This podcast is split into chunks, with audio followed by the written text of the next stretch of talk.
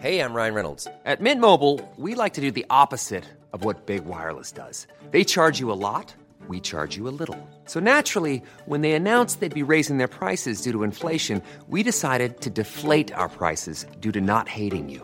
That's right. We're cutting the price of Mint Unlimited from $30 a month to just $15 a month. Give it a try at mintmobile.com slash switch. $45 upfront for three months plus taxes and fees. Promo rate for new customers for limited time. Unlimited more than 40 gigabytes per month. Slows. Full terms at mintmobile.com.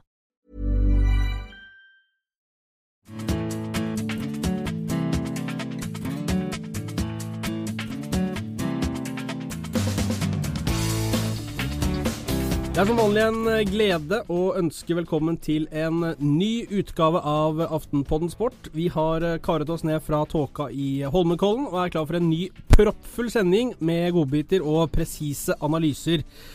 Berthe Valdrag, og det var ikke introen til deg, men eh, det ryktes at du har gitt opp karrieren som smøresjef på Årvoll og har rett og slett kasta langrennsskia og nå henfalt til alpin?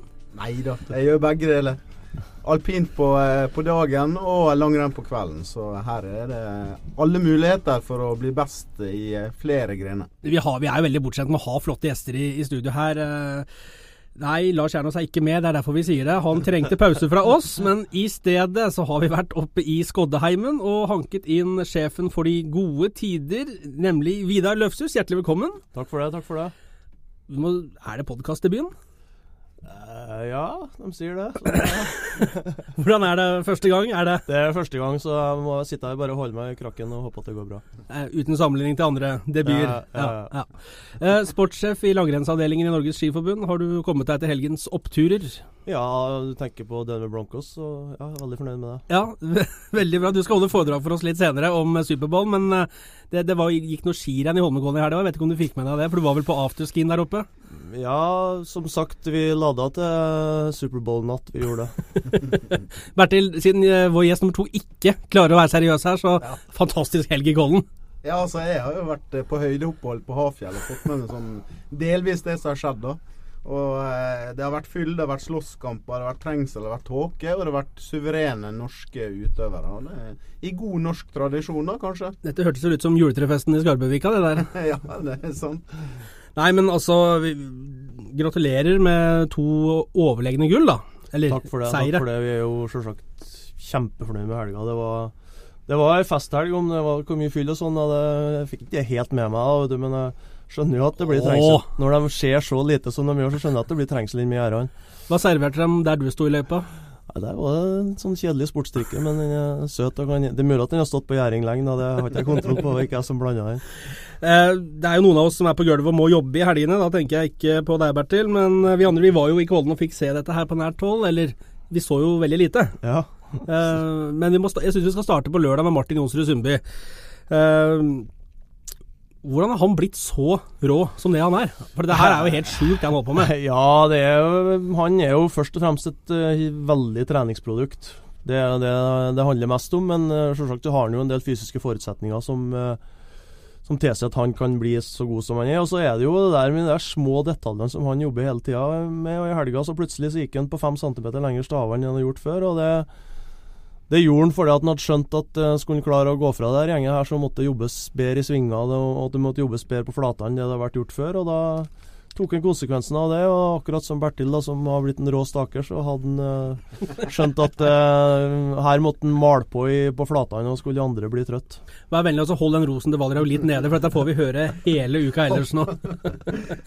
Men det er jo uh, bare at han velger lengre staver. Det sier jo litt om en mann som tenker på litt andre ting enn det han har under skia òg. Ja, altså, Jonsrud Sundby har jo sagt i intervju på intervju de siste åra at det er det med å justere mengde, heller trene tøffere eh, og litt mindre. Eh, han sa jo for ett eller to år siden at han, eh, at han har pusha for langt. Trente 1100 timer i året. Eh, følte seg psykisk sliten, hadde kort lunte og justerte litt. Og begynte å trene litt hardere. Eh, jaga nye detaljer. Og altså, han har vært suveren fra første renn i år. og Sannsynligvis så han, eh, kommer han til å være det til siste stavtak også. Og jeg tror eh, vi driver jo og ser på polarpulsklokkene våre. Altså sone 1 og sone 2 og sone 3. Hvilken sone er du i nå? Ja, nå er jeg kanskje oppe i sone 4, men Jonsrud Sundby tror jeg faktisk kunne vært oppe i nesten sone 5 i timevis uten å merke det. Altså, han, han er så rå. Det er helt sykt å se på. Er han vår tids mest komplette langrennsløper? Eh, vanskelig å si. Jeg tror nok eh, Kommer nok ikke utom eh, Petter Northug har nok vært eh, Har nok på et tidspunkt vært like komplett, for å si det sånn. Og Petter har en del å hente på en del små detaljer nå, så det er vanskelig å si. Det er vanskelig å sammenligne fra jeg skulle si epoke til epoke, men han er nok en av de mest komplette. og det det som forundrer meg mest, eller som mest Som jeg syns er det beste med Martin, er jo måten han har takla sprintlangrenn på. For å, fra å være skal si, mildt sagt en bedriten sprintløper til å faktisk hevde seg i sprint og gå inn i finalen og gå på pallen i sprint. Da, så Måten han jobber på der, det viser jo at det, det er jo liksom litt motsatt av det som, som skjer med dem som er raske i ungdommen. Så blir man seigere og seigere, og så til slutt så klarer man aldri å kvalifisere seg en sprint. Men Martin er beviset på det motsatte der. og så Veldig, veldig veldig godt jobba Martin. Og Det som også er bra, det er at han gjør uventa ting. Altså, han, Det som han gjorde på femmila, eh, dro til der man skulle forvente at han ikke gjorde det. Han, han staka gjennom hele konkurransen i, i ski-NM når ingen andre gjorde det det å tørre å gå egne veier og lykkes med det, er jo kjempeartig å se da, for oss som uh, sitter på sidelinja. Så litt interessant å høre Sjur Røthe sier etter, etter femmila at uh, han er så god nå at folk har så respekt at alle blir gående og se på han og kanskje glemme litt det en skal gjøre selv, og teknikk og alle de tinga der. Og så går du bare og venter på hva gjør Martin nå, hva gjør Martin nå. Og til slutt så da er han borte, og så står du igjen der sjøl. Ja, det er, det er, jo litt sånn, men du, jeg syns jo vi skal jo gi litt honnør til Didrik Tønseth, til Niklas Dyrhaug og til Vileksanen i helga. De, de, hang jo med bra. Det ble jo bare Dyrhaug ble jo bare 18 sekunder bak, så det var flere som gikk fort oppi der, altså, så, sånn sett. Så. Men det er klart, det er stor respekt for Martin, og jeg tror for de gutt, andre gutta på laget så har jo den respekten bygd seg opp gjennom hele høsten. Det vi, det vi ser nå, er jo det vi trenerne har sett i hele høst, og det løperne har sett i hele høst. De er jo nesten sånn at de puster lette ut hvis eh, Martin velger å være hjemme med Marieke og Markus på ei lita samling, ikke sant? for da vet de at det ikke blir det råkjøret. og det er jo, eh, Han fikk jo, han sa at han, Niklas Dyrhaug sa at han var kokt i, i siste bakken, opp til Frognersetra. Og så fikk han spørsmål uh, om han også var marinert. Jeg var gratinert! ja. Og så dro du litt ekstra til i ingressen dagen etterpå og tok uh, all, alle mulige slags uh, ting du finner i gryteboka. At han mørna konkurrentene, at de ble Kokt og marinert. Og du, du, tok hele spekteret, så det var bra, Kjetil. Tusen takk. Du fikk bestått. Jeg skrev en stor R ved siden av den ingressen. Noterer 2016s første hederlige omtale av meg, det er hyggelig.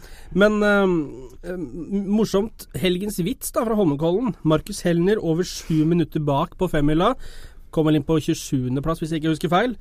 Han sa at det var, å ja, det var fullt mulig å slå Martin Johnsen Subi. Det var ikke noe problem, det gikk an. Det er vel uh, ja. Vet at Mar vet at Markus Helner er god til å kjøre scooter, da, så det er jo fullt mulig å kjøre fra Martin med scooter. han fikk det i Helnebakken, han da? Ja, han fikk det i Helnebakken, ja. ja. En liten uh, kommentar på den, ja, for jeg vet jo at det nå butter jo det meste for svenskene. Jeg syns jo oppriktig synd på dem, altså, men jeg vet jo at Gjør du det? ja, det gjør jeg faktisk. Jeg har et godt forhold til mine svenske kollegaer.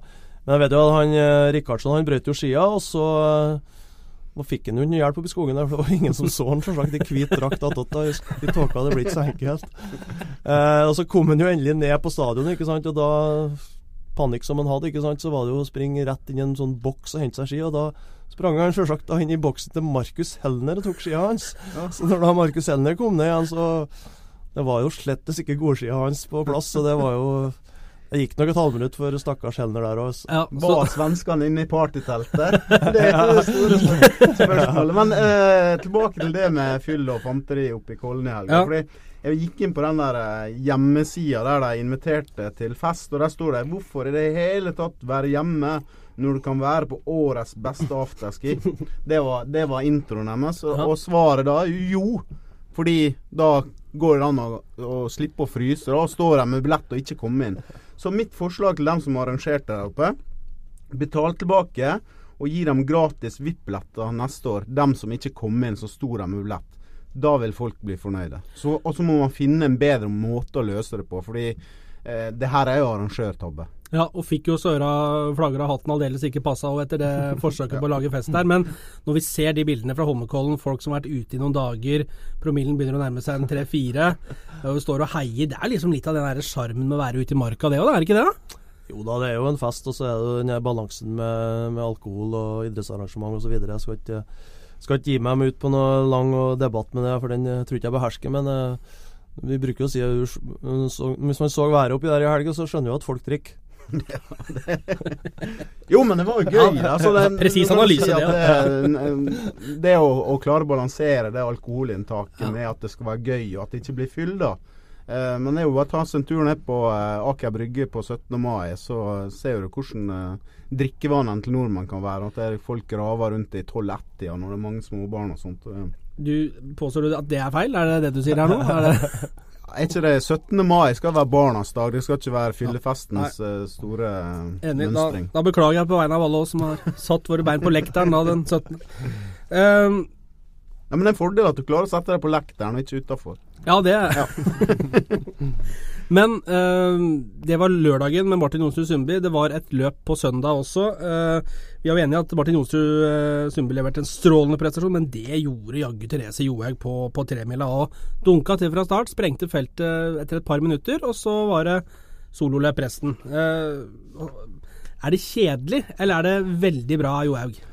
Eh, for det første så er det jo veldig veldig bra av, eh, av Therese, og så skjønner jeg jo dem som òg har et, eh, et, syn på at det begynner å bli litt kjedelig. når du Det var kanskje nesten ikke du så forskjell på Therese og Martin ute på startflata her, for de staka jo like langt og like fort, nesten begge to. Så det, det var helt rått av, av Therese. Så så jeg jo i, i avisene etterpå at det var jo en analyse i forhold til hvor godt da Therese hevda seg et, i et tilsvarende herreløp. Og det heldigvis hadde hun blitt sist og vel så det, så det, det, var jo greit. Men eh, nei, måten Therese går på er ja, det er vel eh, kanskje enestående i verden, tror jeg. Men uh, vi som kjenner jo kjenner den fysikken hun har i forhold til sånn hjerte- og lungekapasitet, så er det jo ikke overraskende når du kobler det på en sånn lett kropp. Og så er det jo Hun måler jo hun må, har jo øh, oksygenopptak som alle vi tre i studio her øh, misunner jo, og da tror jeg det har blitt en ganske lett tur for Valderhaug på fjellet i helga. må ikke overdrive den skigåinga mi. Det ser ut som en dårlig turist, altså. Ja, men når vi, altså, når vi, har det her altså, Dere leter etter ny landslagssjef, og Bertil har jo tatt noen smørekurs nå, så han er høyaktuell, han. Nå, altså. nå, blir det slutt på smøring, nå blir det smørefrie ski her etter. ja. Jeg bare spiller det inn sånn helt ydmykt. Jeg gikk sammen med en i helga, jeg smurte så bare og han hadde bedre fester med, og han sklei bedre enn meg. Han, han smurte ikke. Og da, da, da skjønner jeg at det, blir tungt, selvfølgelig. Nå blir det nye ski. Jeg er rett opp på, uh, på Linderud senter og kjøper nye ski. Og så det er derfor det sto kraftig svart røyk fra Årvoll i går. Derfor her gikk glassfiberen rett i peisen. Nei, men altså, Therese Johaug eh, altså, Når hun går ut fra start, og så går hun alene, så vinner hun med 3,46, var det vel. Hva sier du til hun når hun passerer der du står på eh, sekunderingsposten? Vi prøver jo Det er litt sånn som eh, Det er jo som Egil som styrer det showet der når det er jentene som går, og det vi fokuserer mest på, er jo litt sånn noe så kjedelig som arbeidsoppgaver underveis. da. Ja. Og uh, Therese har jo faktisk slett litt etter jul. Hun har kanskje ikke vært i sin beste form, og har ikke gått så godt på ski som hun gjorde før jul. Så da var det om å gjøre å gi tilbakemeldinger i forhold til det, og at hun var nedpå, sklidd ut og gått framoverlent osv. Og, så og så ikke minst gir jo de der positive tilbakemeldingene om at nå blir det ett minutt, det blir to minutt, det blir tre minutt, Og fortsetter sånn, så blir det fire minutt, Så blir det, det snart et kvarter. Ja. Så tar du igjen med en runde, og så Som eh, trener, da. Eh, apropos, det sitter jo en trønder her. Eh, da Rosenborg spilte mot Brann for en del år tilbake, og Rosenborg, jeg tror de vant 10-0 eller 10-1 eller noe sånt på Lerkendal. Og da eh, Eivind Karlsbakk fra Stryn han var innbytter på, Ros, eh, på Molde. Nei, på Brann, selvfølgelig. På stillinga 08 så får han beskjed av Kjell Temfer Kom igjen, nå, eh, nå skal du innpå, Eivind. Og Eivind var jo høyreving, da. Så kommer, eh, kommer Tenfor bort til han og sier Eivind! Hold bredden du nå! Hold bredden! ok, ja, det utgjorde sikkert den store forskjellen de siste ti minuttene. På 8-0, ja. Holde nå må du gå ut og holde bredden, Eivind. Kom igjen. Men uh, Johaug sier at hun uh, kunne tenke seg å få tilbake intervallstarten i Kollen. Ja, og det er jo et sånn tilbakevendende tema. FIS kjører jo sånne undersøkelser mot løperne. og det, ja, Jeg tror det har ligget på sånn 80% for enkeltstart i Kollen, faktisk. Men uh, det er jo noen sterke krefter der òg, med TV og kommersielle interesser, og ikke minst uh, FIS osv., som ønsker at det skal være fellesstart. Og det har jo litt med forståelse av langrenn nedover i Europa at publikum syns det er enklere å å telle folk i mål når det er, de går ut sammen og, mm. og skal passere eh, mål som 1, 2 og 3, og det er faktiske stillinger som kommer opp på skjermen. Så. Beviset på det motsatte, som er til Altså som taler for fellesstart, det er jo det som skjedde på femmila. Der det er Altså, det Martin Jonstrøy Sundbø har gjort, det å stikke av gårde og prøve seg i starten og gjøre noe mer istedenfor sånn som det var i, i eh, Oberstdorf i 2005, da de gikk sammen de siste bakkene, 100 stykker omtrent. Og så uh, stakk det tre nordmenn siste uh, kilometeren. Det var jo gøy bare siste fem minutter. Men nå er det gøy fra første stavtak. Og det, da er jo det maks underholdning. Skulle man begynt med intervallstart i Tour de France også? Ja, ja men det er akkurat samme Tour de France. Det er akkurat det samme. Jeg, jeg, ikke, Har jo det på tempo, ja. ja, de har det på tempo. Men skal, ja, skal de drive og sykle intervall da opp fjellet og sånt? Eh, start eh, anna, eller ett minutts eh, intervall, da? Tenk deg når, du, tenk når du kommer rundt Mont Ventoux der, da, litt tåke, og så hører du 'Nå må du komme da, Alexander! Nå må du komme da, Alexander!' ja. Nei, men jeg tror, nå, jeg tror nå det er en litt sånn uh, særnorsk debatt. Da, så får vi nå lytte uh, kalle det internasjonale fora, de andre nasjonene også. Ja, Kanskje så, en dag så blir det enkeltstart igjen. For Da hadde vi jo intervallstart i 100 år, og så ble det kjedelig. Og så var det veldig gøy med fellesstart, men ja. så ble det kjedelig fordi at de var lureløp. Ja. Og nå er det kjedelig fordi at noen kliner til fra start. Nå får vi snart kanskje bestemme oss, vi òg, da. Vi er jo, altså, vi er jo dinosaurer i denne sammenhengen her. Vi vokste opp med å sitte med stoppeklokka og se det de greiene. Ja. Men, mens da dem som er litt yngre enn oss, da de har jo sett førstemann i mål vinne, enkelt og greit. Og da, det er det du er vant til å se, og så skal du begynne å, med klokka. Så, du ser jo på skiskyting når de driver på med med intervallstart i skiskyting. Det er så vanskelig å følge med. Plutselig så kommer det inn en som har gått to runder, og så er det en som har gått tre, og en som er mål, og så får ikke man helt oversikt. Men der har de gjort det jævla vanskelig, for de har lagt inn den skytinga, og det forstyrrer jo veldig.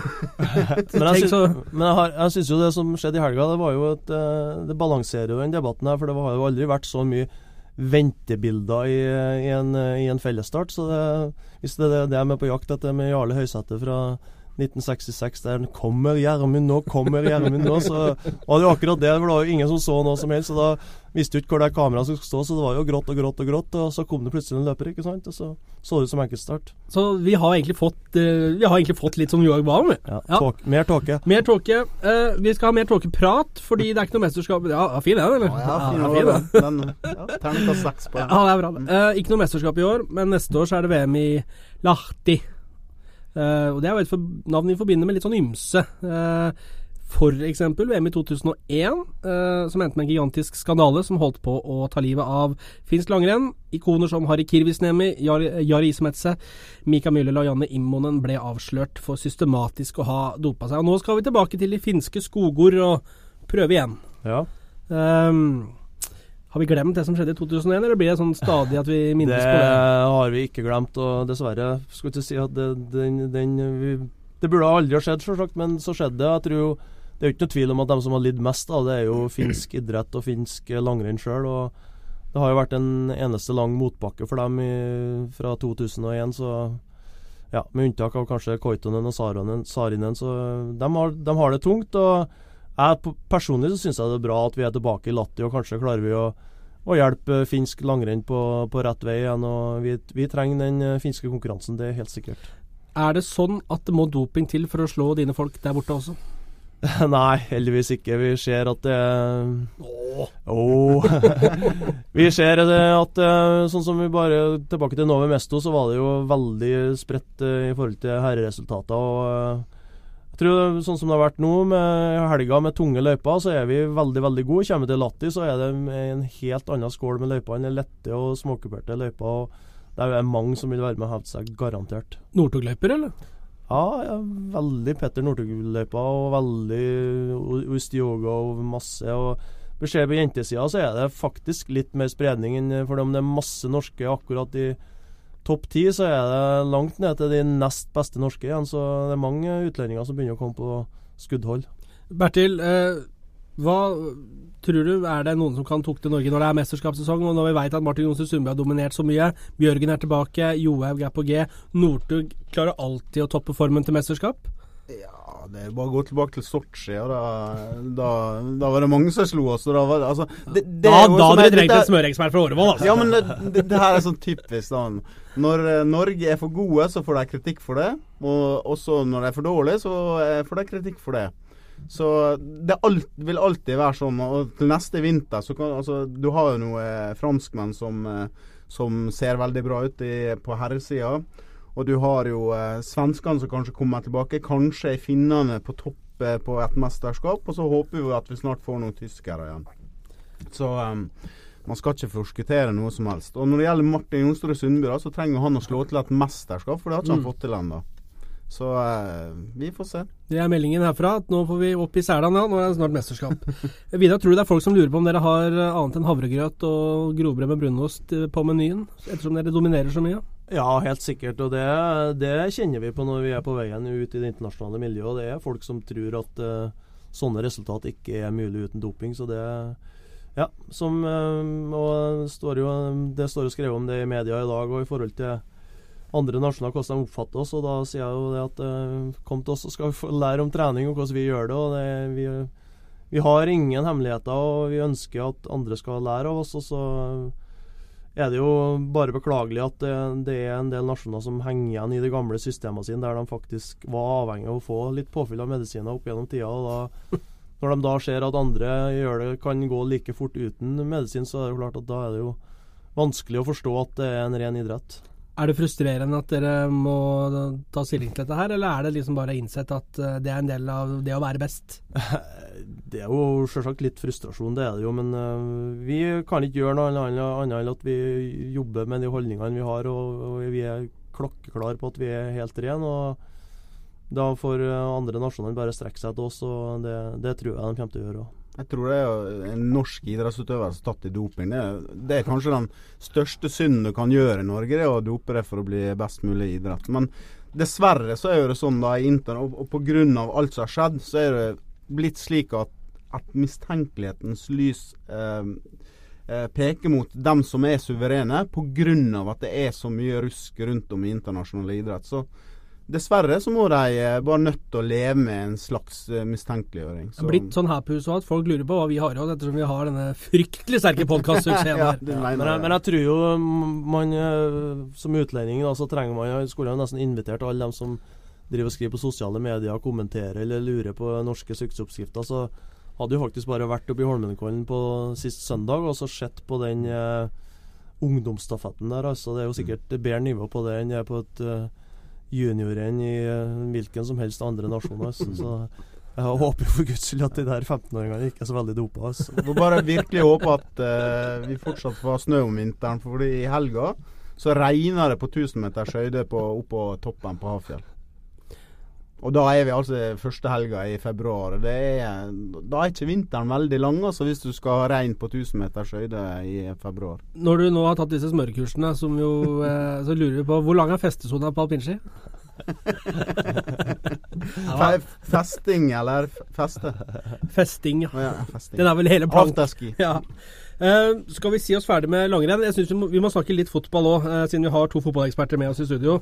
Eh, vi går jo og venter fortsatt på at Leicester skal kollapse i Premier League, eh, men det skjer jo ikke helt åpenbart. Slo Manchester City 3-1 eh, på bortebane på lørdag. Det er fryktelig imponerende. Ja, og nå begynner jo granittblokkene til Leicester å skåre også. Så Robert Hutt og, eh, og han West Morgan. Altså, jeg hadde ikke villet møtt, møtt dem to i mørk, ga, eh, mørk gate på kveldstid, altså. Vi snakka om i håndball-EM for menn at det var eh, kjøleskap ble brukt for å beskrive størrelsen og fysikken til noen av spillerne. Da ble dette her frysere. Ja, det er svære. Men altså, Leicester er utrolig artig. Og, og så snakka om at det må jo være tidenes sensasjon hvis de vinner. Og, Og nå begynner jeg faktisk å tro på at de kan klare det. Fordi de tre lagene de kjemper mot, Tottenham, Arsenal og City, de skal ut i Europaligaen og de er i FA Cup og alt sånt. Leicester har bare de siste ligakampene å konsentrere seg om. Etter kampen eh, nå som blir en supersøndag da, med Arsenal og Leicester klokka ett, og eh, Manchester City-Tottenham klokka fem. Etter kampen, de kampene der, så har Leicester 14 dagers pause, mens de andre lagene skal i, aksjon igjen. Og det, er- det er klart at da kan jeg hentes inn og konsentreres om avslutningen. Så jeg, det begynner å lukte litt eh, gull til Leicester. Altså. Tenk deg Leicester tar seg noen fyllekuler da, og så mister det helt. Så må jo jeg bort igjen i Tottenham-hjørnet, da. Altså, for, for en, altså, bare si, ja, men- skyte inn da, Vidar, eh, at Bertil er veldig Tottenham-fan, så nå, det blir ofte litt sånn Ja, Og bare beklager det. Og for hver eneste podkast får jeg bedre og bedre grunn til å snakke med, om Tottenham. Og nå, altså Tottenham er jo eh, omtrent like overraskende som eh, Leicester ligger oppe i toppen. Ikke, ikke så overraskende. vel men at større, vel. At, at Tottenham skulle ligge på andreplass, og nå har de faktisk en reell sjanse til å eh, vinne Premier League. Og de er så stabile, og, og eh, Pochettino han er beste som har hendt Tottenham siden Glenn Hodden spilte. Jeg må finne en sånn jingle vi kan ha når vi går ut av det Tottenham-hjørnet. Men, men Vidar, eh, blir det fo tid til fotball eh, og sånn når du er ute og Ja, reiser, jeg eller? følger jo såpass mye at jeg vet at Roy Clemens er keeper i Tottenham. Ja, ja. Bra. Ja, men eh, hva er Hvilket lag holder uh, eh, ja, hva skal jeg si? Jeg, jeg ser på tabellen jeg gjør, jeg følger med på hva Manchester United gjør. Og jeg Ikke så fryktelig mye om dagen, dessverre. Hva, Nei, det skal ikke jeg uttale meg om, for det har jeg altfor lite peiling på. Men jeg, jeg har jo vært svoren eh, Manchester United-fan, og er jo på dialekta så skjønner jo hva slags lag jeg holder med når vi når vi begynner å nærme oss norsk fotball, så Stabæk. Stabæk, ja. Stabæk. Nei, jeg, jeg følger med, men jeg, som alle andre på gata så kan jeg sikkert uttale meg over det vide og berede, men eh, det blir jo for dumt stort sett, da. Men, eh, Ja, men det ja, er du kan sikkert teste da er, du meg på godt, da er du i godt selskap i så fall. Nei, men eh, er du imponert over det Leicester har fått til òg, med relativt uh, ukjent mannskap for de fleste, vil jeg tro, før sesongen? Ja, jeg syns jo uh, vi- Ja. Eh, Ranieri, Ranieri hva heter han, eh, Ranieri. Ranieri ja, treneren og Ryan Ward, er det? Han i spissen? Nå Nei, nei, nei, nei, nei. Jamie Wardy. Jamie Wardy, ja. ja. Nesten. Ja, nesten. Ja. Så jeg, sy og jeg syns det Ryan Ward? det- Hvor kom den fra? Ja, sier det. Det, det er jo i forhold til sånn eh, Når vi snakker om doping og økonomisk doping, så er det jo Jeg tror ikke det er den her klubben der som er så veldig prega av det. Så det, det er imponerende. Altså når du da snakker om da mitt favorittlag som har øst ut med penger både på trenere og på spillere, så syns jeg det, det viser at det går an med hard trening og god organisering igjen. Du, Nå drar du oss fint over på Louis van Gaal. Han har blitt et sånn fast innslag. Før var det Mourinho, nå er det van Gaal. Som vi har lagt litt for hat, da, for han er fryktelig arrogansen. Og nå, Han har kalt han har skjelt ut og smelt på de aller fleste. Og nå igjen, etter 1-1 mot Chelsea, så var det en journalist som fikk høre det. Da kom det spørsmål om hans framtid i klubben, og da mente van Gaal at det var journalisten som skulle få sparken dagen etter, ikke han.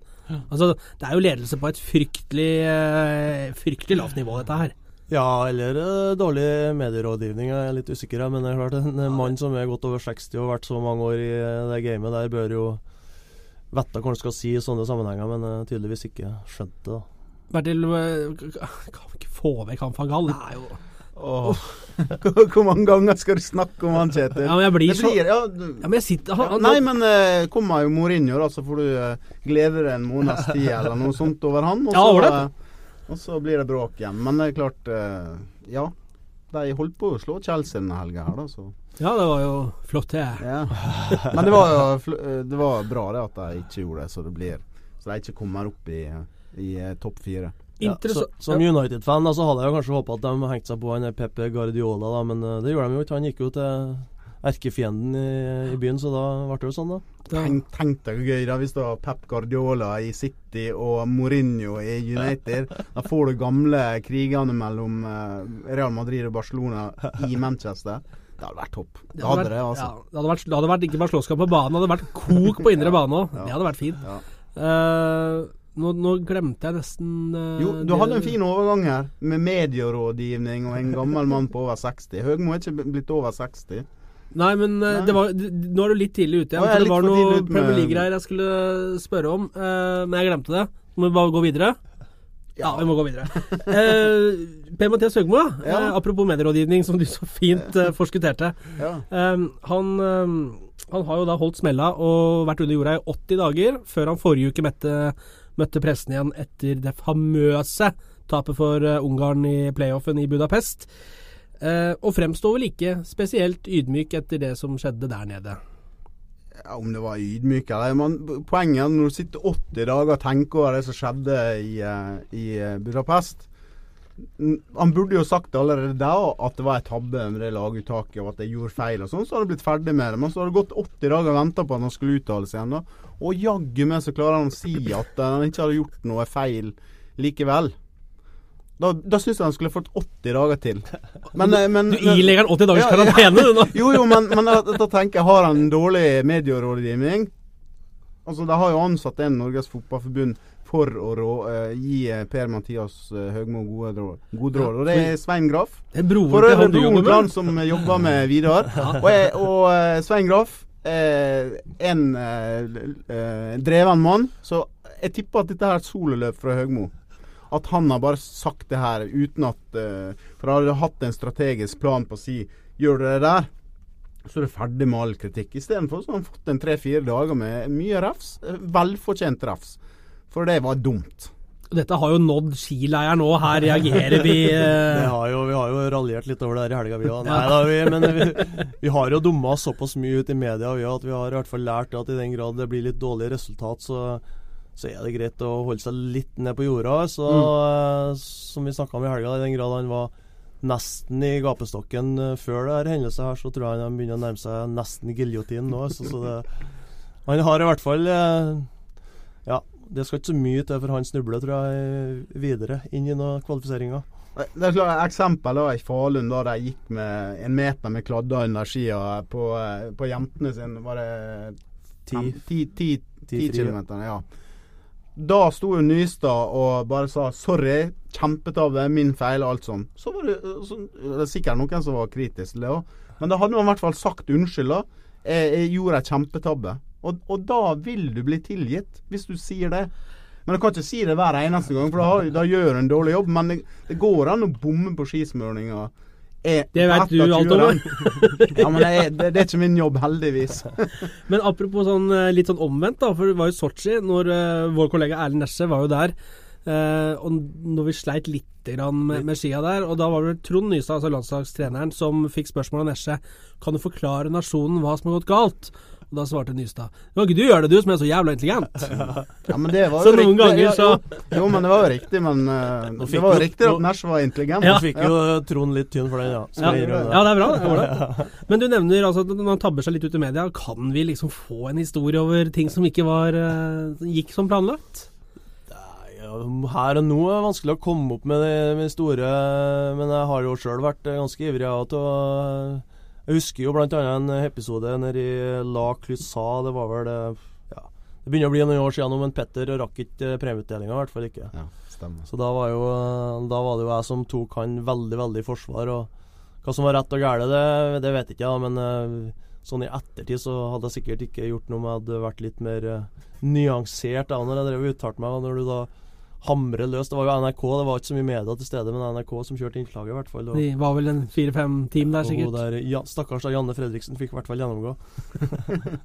Men hva Men da var det kommer Twitter-politiet og Facebook-politiet, og da, da, da, da Da kryper det- de fram fra hull i bakken. Ja, og, og du Men for de som da ikke husker eh, helt detaljer rundt, kan vi, hva var liksom greia der med Northug og Eh, greia var jo at han uh, tapte jo en spurt for første gang mot Vileksanin. Og ja, skal ikke jeg drive og komme med alle de dumme unnskyldningene som jeg kom med der, men uh, det var jo det var, Petter ble jo veldig skuffa, og vi, vi stressa ikke akkurat for å komme oss på den premieutdelinga, i hvert fall ikke. Og da, da er det jo en sånn frista til fiss at skal de få sendt det på TV, og sånn, så må du være der. Og så Petter han kom jo aldri ut. Han hadde jo ikke stokka av heldigvis, da, men han kom jo aldri ut fra den skiftebua, i hvert fall ikke. Og da tok det litt lang for, for lang tid, og det da klaga jo FIS, og så mm, Når den klagen da kom til meg, som ikke hadde vært helt hadde drukket meg inn ennå, så Når jeg fikk høre den jeg kom inn på stadion, så fyrte jo jeg på alle pluggene, selvsagt. Og da var jo sint, jeg òg, når vi hadde tapt, tapt det løpet. Og da Det gikk det galt, gitt. Da bare det ene dumme utsagnet tok det andre. Det kan skje den beste, altså. med andre ord. Akkurat. Eh, Bertil, da tror jeg jeg skal sette over til deg, for da skulle du dra oss gjennom nattens Superbowl og hvordan det var. Så da sier jeg bare vær så god, ja. Skulle hatt en sånn kjenningsmelodi nå, men Nei, men uh, Nei, det er pauseshowet som er det gøyeste på Du eh, Superbowl. Du venter meg. på Beyoncé i strømpebuksa der, ja. Ja, jeg, jeg visste ikke at hun hadde vært der, men det, det er vel du som, vis- eh, som venter på det, da. Akkurat. Nei, men altså um, Nei, vi har jo en ekspert. Det er derfor Ja. han egentlig er Ja. Superbowl-ekspert. Jeg skulle egentlig bare sette det med å si at Denver Broncos da slo eh, Carolina Panthers eh, 24-10 i den 50. Superbowlen i San Francisco. Det er vel egentlig det jeg vet. Så kan du hjelpe oss litt grann videre? Ja, jeg har jo da sjøl bodd i, i, i Denver, og jeg bodde der til og med da de vant Superbowl i eh, 96. Og så eh, Da var det en som het John Elway som da var den store quarterbacken. Så nå får du litt historikk her. Litt, jeg skal bare notere nå. John Elway, ja. ja.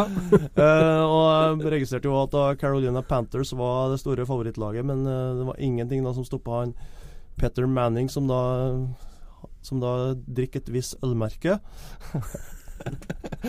Så det er mye til, Det er mye som hører Superbowl til. Men jeg skal innrømme jeg har ikke sett noen noe fotball i helga, men jeg har dratt gjennom en sånn eh, kort uh, seanse med Superbowl for å se de beste touchdownene, de beste de beste kicka der, så ja, det var en fortjent seier. Assosiasjonen på Denver er vel eh, dynastiet med Crystal og Blake Carrington og Alexis og greier. Ja, Det var jo hakket før min tid. For oss som eh, husker Det- det på tidlig Du 80-tall. får en sånn viss melodi på tunga, ja. ja. ja, Hvordan er den igjen? For du, har jo synget, du pleier jo å synge. Nei, nei, jeg husker ikke. Det er for lenge siden. La, la, la, Ja, la, la, la, la. la, la, Ja, stemmer det. Stemmer det. Han kan alt. Han kan alt. Kjernås, det kan bare bli på Årvoll. Dette går bra. Eh, ja, stemmer. Men uh, pauseunderholdninga er jo liksom nesten minst like stor, kan man få inntrykk av, som selve matchen. Ja, nå var jeg mest fornøyd med reklamen til Jeb Bush, da, som da, der sto da far eh, George Bush fram og påstod at eh, Nei, det var jo bror, det er vel det. Jeg kjenner ikke helt det klanene der, men det er i hvert fall sånn at hvis Ikke du har sikkert det er så stor forskjell, da. Nei, det er akkurat det. Hvis du først har eh, begynt å bli president, så skal i hvert fall hele slekta være president, eller eh, Er ikke det? inn i Det hvite huset. i Bevi, av, bevis på eh, det er vel ikke at det nødvendigvis er, er, det er til det beste.